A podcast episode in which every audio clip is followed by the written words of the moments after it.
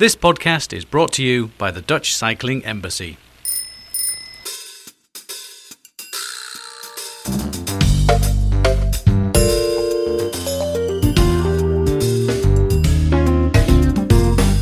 Ladies and gentlemen, welcome to this new episode of the Metropolitan Mobility Podcast. And we're on our way to Copenhagen, the capital of Denmark. We will talk about cycling uh, and what their best practices are. Uh, and Paul, I've got some figures here, ladies and gentlemen. They are increasing 68% uh, the number of cyclists taking one of the cycle highways. 26% of new cyclists used to travel by car. I think that's more than enough introduction. My name is Geert Kloppenburg and I think one of my favorite sidekicks is in Delft already. Chris, are you there? Hey, good afternoon from Dutch Cycling Embassy headquarters in Delft, aka a spare bedroom in my house. Very good. And our guest on the show, Anna Garrett. Uh, Anna, are you already there? Yeah, I'm here. Anna Garrett. Nice to meet you. I'm actually live from an office, finally being back at work during all these uh, working from home times. Oh, very good. And then uh, going back to Chris, why uh, was your suggestion to interview uh, Anna or give her a proper introduction and she doesn't have to do that herself? Anna and I crossed paths for the first time last year at the Velo-city conference in uh, Dublin, where the Cycling Embassy of Denmark and the Dutch Cycling Embassy were collaborating on a workshop, and she gave a really interesting presentation, um, having done a work exchange, a job exchange with somebody at the province of Utrecht and spent some time there on the differences and similarities between Danish and Dutch cycling culture. And I thought it'd be interesting to get her perspective. Anna, you guys have done eight super highway cycle lanes, or however you call this, from 2010 until 2018, approximately and I pick out one of the routes. It's C C95 for the people who are not at Google Maps, but it's like for, to the northeast of Copenhagen, and I see 29,000 uh, cyclists on a weekday. That's the highest number, of course, but still, that's humongous. Who are the people who are driving on your uh, super highways? That's a that's a very good question. Um, I think with our work with cycle highways, we've realized that there's actually a very big group of people that are not usually being targeted when we work with cycle planning, uh, because usually cycling is something we consider if that people want to do up to five kilometers and then above that they want to do something else. Um, but what we've realized is that, um, you know, with having a, a capital, having a lot of congestion, um, the fastest route can be on your bike, even though your trip might be 15 kilometers. Um, so we've done a lot of studies with people using our routes, and we can see that, you know, if you look at uh, if you compare different type of trips, uh, a trip on a bike for 15 kilometers might be a little bit further. Uh, it might take a little bit longer time. Um, but people are willing to do this because in uh, in their overall weekday schedule, uh, you know, you have a lot of things that you need to do. You need to go grocery shopping. You need to pick up your kids. Um, and so a lot of these people are willing to cycle 15 minutes longer. Yeah, but then everybody from the other side of the world is thinking to ourselves, okay, Denmark, snow, dark. Yeah, and you you you picked out this 49 year old man in your report, and I was thinking to myself, in January, in the dark, and all the people from Paris, London, or wherever they're listening, they're thinking to themselves, yes, Anna, I don't know what she's doing in her office, but these people, they, or they're all Vikings, but are they really cycling in January and February the 15 kilometers? Yeah, but I mean, like it's an it's an overall uh, job to do it. You need to make sure that the maintenance is properly done. So there's no snow lying on the cycle track when people come in the morning, you know, those five days a year when we actually have snow in Denmark because we're not like Sweden or Norway. We actually don't have that much snow. Uh, but I totally get your point. Um, but people still do it all year round, and I think they do it because um, it makes sense to them, both for, for the for the exercise and for the the travel time. Um, and I think and this is very simple, but I think it works all over the world. Uh, if you build proper infrastructure, people are going to use it and they're willing to cycle more than five kilometers. That's just what we see. Okay, I, I understand proper infrastructure. Is everybody on an e-bike or do they cycle everything themselves there? No, it's it's different. Uh, so we've we've made some studies where we can see that the last time we did a survey with like 500 people on one of our routes, uh, it showed that 11% are on an e-bike. Um, and half of the people are just on a very normal, uh, we call it a classic bicycle. Um, and then we have 1% on a speed pedelec. How is it actually to cycle on this C95? Or am I right in between cars and you guys are saying, yes, it's going really well, but safety wise, good luck? Well, it's a it's a mix of infrastructure. So if you take the C95, which has been a huge success, a big part of it is an existing uh, old cycle track from the 70s that was built at the same time as the highway was built. So it goes along a highway without any stops. You you cycle under tunnels the entire way, which is also why that's the most successful one of all our cycle highways because you can basically go 15 kilometers without stopping anywhere. But if you look at the network in general, and I think this will be the case in a lot of countries, then you will have existing bits of pieces of infrastructure. Um, and then when you work with regional cycling, you kind of have to connect all those pieces and upgrade it. So you have a, a, a route that's connected over a longer distance. So that's mean in some places it's it's just old infrastructure that we improve. Some places there isn't any, then we make some new ones. And then other places we have to take a lane from car traffic. And in other places it's just a, a segregated cycle track that's away from car traffic. So it's very different types of infrastructure. Is that also with the other eight existing lines? I've got here the Albertslund uh, route, the C99, that's going yeah. far east for the people who don't know the names and the yeah. numbers. But like then it's got only 14% increase or 40 or only, yeah. that's still a lot.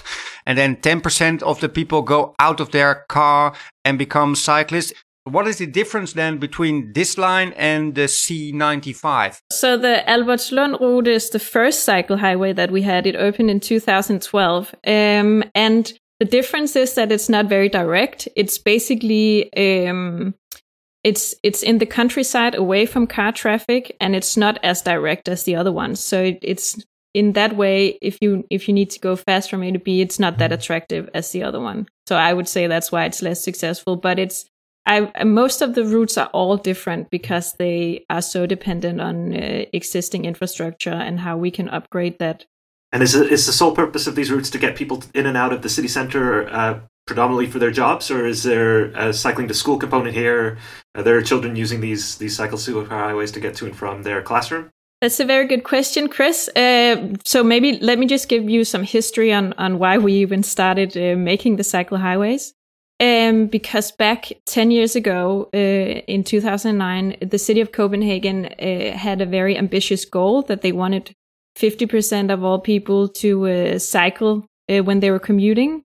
Um, but when they looked at the car traffic in the city center, they could see that all the cars were mainly coming from the suburbs.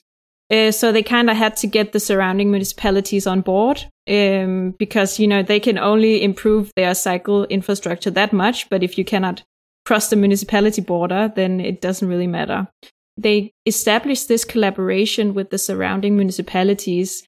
Uh, and that's the collaboration I'm working for today. So we're an office of uh, five to six people who work full time, uh, basically trying to implement this entire network, which consists of almost 800 kilometers in total. And it is with 26 municipalities you're trying to organize within this? Yeah, with, with 28 now, and then we always come to the question who pays the bill? So we started yeah. off eight years ago, and let's say Chris is a municipality up north, and I'm in the east, and we're both we we speak fluent Danish. And you come up to us, and you come with this huge plan out of 2009, and you say to us, "Yes, we want to expand with eight uh, cycle superhighways." And uh, Chris is saying, "No, I'm not going to pay for it. It's the problem of the city center, and uh, good luck with it."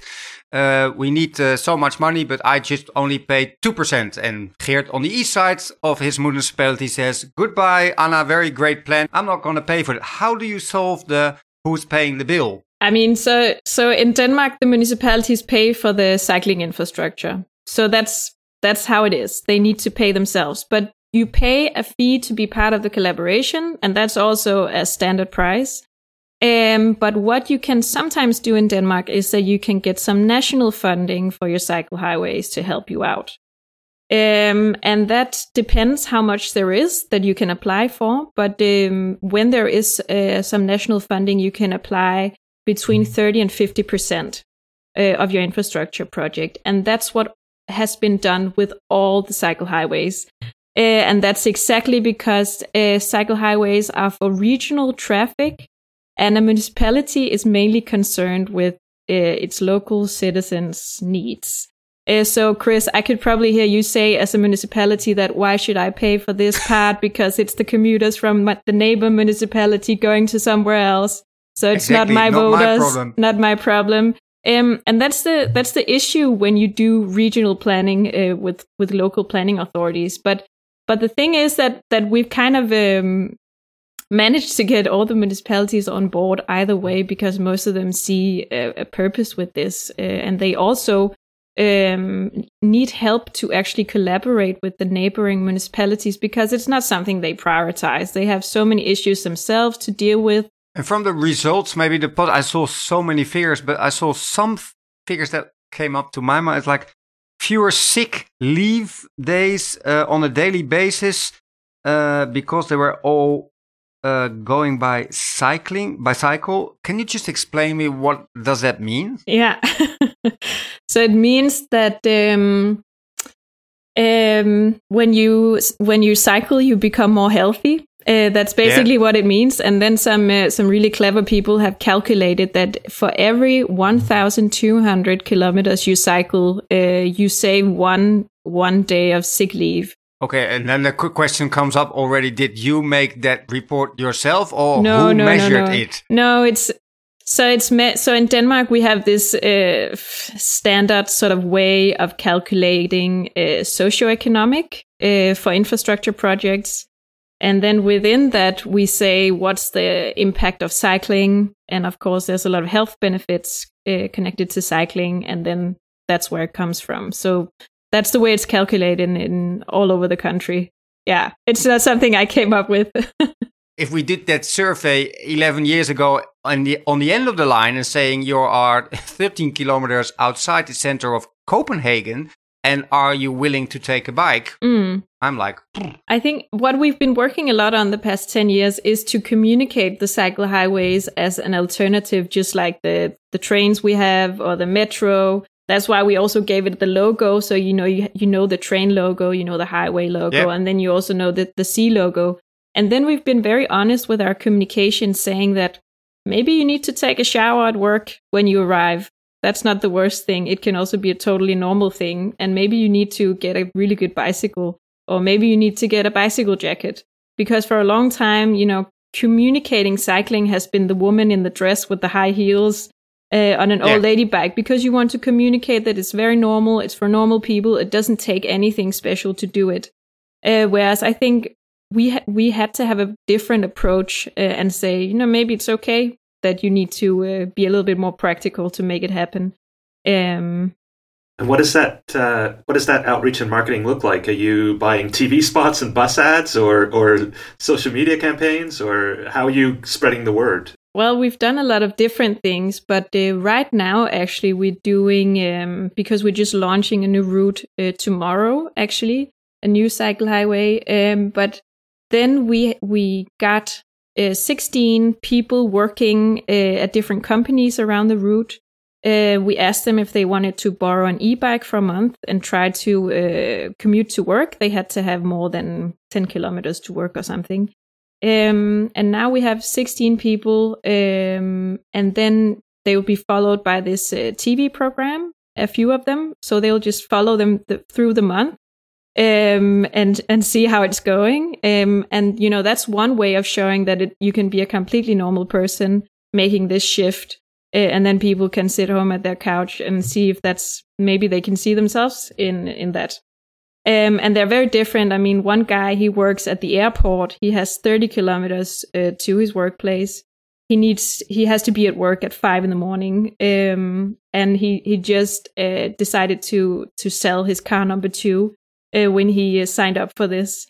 Um, so you know, it's just one way because usually that would be the type of person that you'd think you know wouldn't be suitable for this type of trip. Um, so it's it's just a way of showing a lot of different people um, and how they can do that, uh, and hopefully everyone can kind of see themselves in that somehow. So that's one way. And how are you planning for the future? Because you're planning to expand an eight line network with another eight. So, so we have eight already, and then another eight are on their way. So they're being built right now, uh, and they have funding and everything. Um, but now we are together with the municipalities. We're looking at another ten.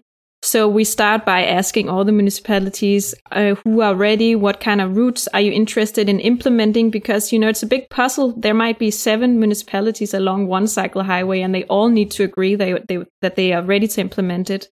So we've sort of put that puzzle together and we have uh, about 10 routes. And then we go cycling with the municipalities along all the routes and figure out what should we do here? What's the deal here?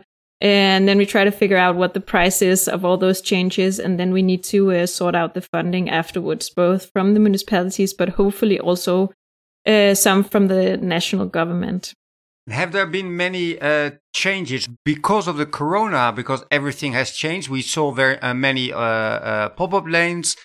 I think maybe it's changed the mindset of the politicians a little bit, but no, not yet, because it's a long process. It, it's it's not working that fast. Um, I think I think the awareness is definitely there. Also because we just uh, just turned mandatory in Denmark that you have to wear the the face masks in public transport and you can see that there's so many more cars driving around uh, now. There's a lot of congestions. There's also more people cycling. Um, but I think that will definitely raise more awareness of uh, the conditions for cycling. This is the thing: is the I think the real fear that cars are going to become the new personal protective equipment, and and people are going yeah. to, um, yeah, abandon public transport for their motor vehicle and yeah, exactly. I totally agree with you, Chris. Also because in Denmark in the in the past 10 years uh, there's been made some changes that really favor cars. So uh, cars have become a lot cheaper in Denmark. So just in our region, car ownership has increased 25%. Um, people are driving more, they're driving longer. Um, so it's really difficult when you work with cycling that you do everything you can to improve the conditions, but then there's just these overall structural changes that are just very difficult to um, to do anything about. And in that sense, I think Denmark and the Netherlands are are very similar. Like we have a we have a large share of cycling, but we actually also have a large share of uh, driving our cars um, compared to public transport compared to other places. Um, but I think that's something that uh, the, the politicians in Denmark are starting to be aware of. Uh, Chris, there, his battery is low, so maybe his sound will be a bit less than normal, but still we keep on going on a personal level, Anna, uh, are you cycling yourself uh, a lot or just a little bit? No, I'm cycling everywhere. I used to have a very fast retro bike from the 90s, but then after I was in the Netherlands, I came home and I bought like an old grandma bike like you all ride ride on because it was so it was so relaxing to ride on it. Uh, so I use that everywhere all the time. What do you think are very like similarities between a let's say Danish approach or Dutch approach? Uh, I would say yes. we are doing things differently. Uh, I think we have many of the same challenges, um, but we deal with them differently. And um, our cycling culture is different. The way our, we behave as cyclists are different between Denmark and the Netherlands. Uh, the way we build infrastructure is different. Uh, how we do with public transport and cycling then, is okay, also different. So, just stop. then I immediately have to go. Are you guys cycling the other way around, or are you English that you're driving on the wrong side of the road? No, seriously, how can you drive in a in a cycle in a different way? Are you less aggressive or more aggressive? Like what? Perhaps What's the difference aggressive. then? No, sorry. I, I was just saying perhaps more aggressive. No. Um, First of all, we cycle faster in Denmark. Uh, I mean, if you if you come to Denmark, you can also see that our bicycles are slightly different. We have more faster bikes. We even have lanes on our cycle tracks. You know, if you need to make a right turn, just like car traffic, so it's more efficient. Um, and then we have all these signs that we use when we're cycling. So we have a stop sign and we have a turning sign. And you know, if you just stop and you don't make the stop sign, then people are going to be very upset with you uh, because the speed is so fast that you know you might ride into someone if they just suddenly stop and you have no idea about it. Uh, so to me, it was a shock coming to the Netherlands. See how can you survive in this traffic system without having all these signals that you can give each other? But it's just because you're so chilled on your bikes. Not going as fast. So it kind of just works anyway without giving signs to each other. So can you maybe get into a little bit into your experience uh, working in the province of Utrecht and, and what you found, uh, just the day to day work culture and the projects that you were exposed to and, and worked on? One of the the first things I, I, realized was that it seems like you have a much sort of tighter collaboration in the Netherlands. Like um, you're working more closely together and you have all these n- networks that are organized at a more like national level. You have a very sort of uh, good collaboration between the municipalities, the provinces, also at a national level, both with your the cycling embassy, but also with Tour de Force, which we were very inspired by. You know, you established this national uh, strategy when uh, the Tour de France uh, Grand Depart came to Utrecht in uh, 2015, and then suddenly you could gather everyone, set a national cycling goal, uh, and and establish a network with where you work around different topics such as cycle highways, such as better cycling data, uh, and other topics. Um, and we don't have that in Denmark, and I don't know why that is. You know, actually our countries are the exact same size. Uh, you are three times as many people as we are, uh, and we have a lot of even more water between. We're a lot of islands, and our biggest cities are very far away from each other, whereas everything is more close in the Netherlands. I don't know what the uh, what the explanation is, but what I can see is just that you have more goals and you have a lot more funding going into cycling uh, compared to Denmark. Okay, I can ask hundreds of questions, but I leave it up to here. So Anna, thanks a lot about uh, sharing your views on the certainly the the uh, cycle highways and coming from a longer distance towards the inner city. Uh, Chris, thanks a lot joining in from all the way from Delft again. And uh, please leave a review. Uh, that helps us a lot. Do you review often, Anna? We never do, but we always ask our our guests. I will. Uh, thanks everybody. Thanks for listening and uh, keep on sharing best practices to friends, colleagues, or whatever. Thanks everybody for listening. Thanks Anna. Thanks Chris for all of us. Thank you. For now. Bye bye. Cheerio. How do you say in uh, in in Danish? Bye bye. Hi hi. Ah hi. Hi hi. We hi, say hi. hi is hello, and then hi hi is goodbye too easy for words. My wife is actually half Danish, so I should know. Oh, you should.